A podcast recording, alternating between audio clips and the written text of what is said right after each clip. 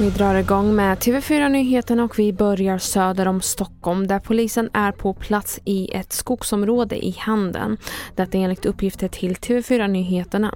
Larmet ska ha kommit in under de tidiga morgontimmarna och det handlar om ett grovt brott som nu utreds.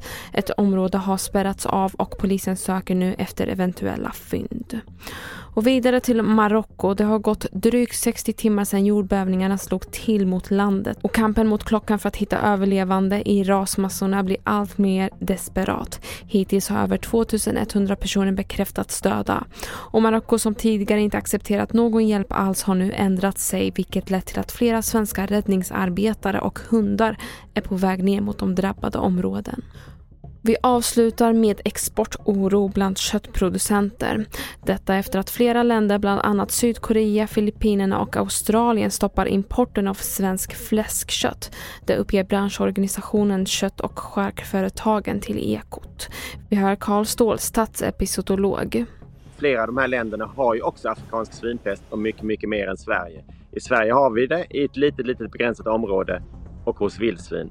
Men länder som Sydkorea, Kina, Vietnam, där har de ju svinpest sedan ett par år tillbaka och både hos gris och hos vildsvin. Fler nyheter hittar du på tv4.se och jag heter Merjem Jamil.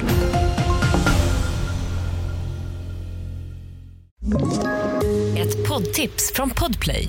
I fallen jag aldrig glömmer djupdyker Hasse Aro i arbetet bakom några av Sveriges mest uppseendeväckande brottsutredningar går vi in med hemlig telefonavlyssning och, och då upplever vi att vi får en total förändring av hans beteende. Vad är det som händer nu? Vem är det som läcker? Och så säger han att jag är kriminell, jag har varit kriminell i hela mitt liv men att mörda ett barn, där går min gräns. Nya säsongen av Fallen jag aldrig glömmer på Podplay.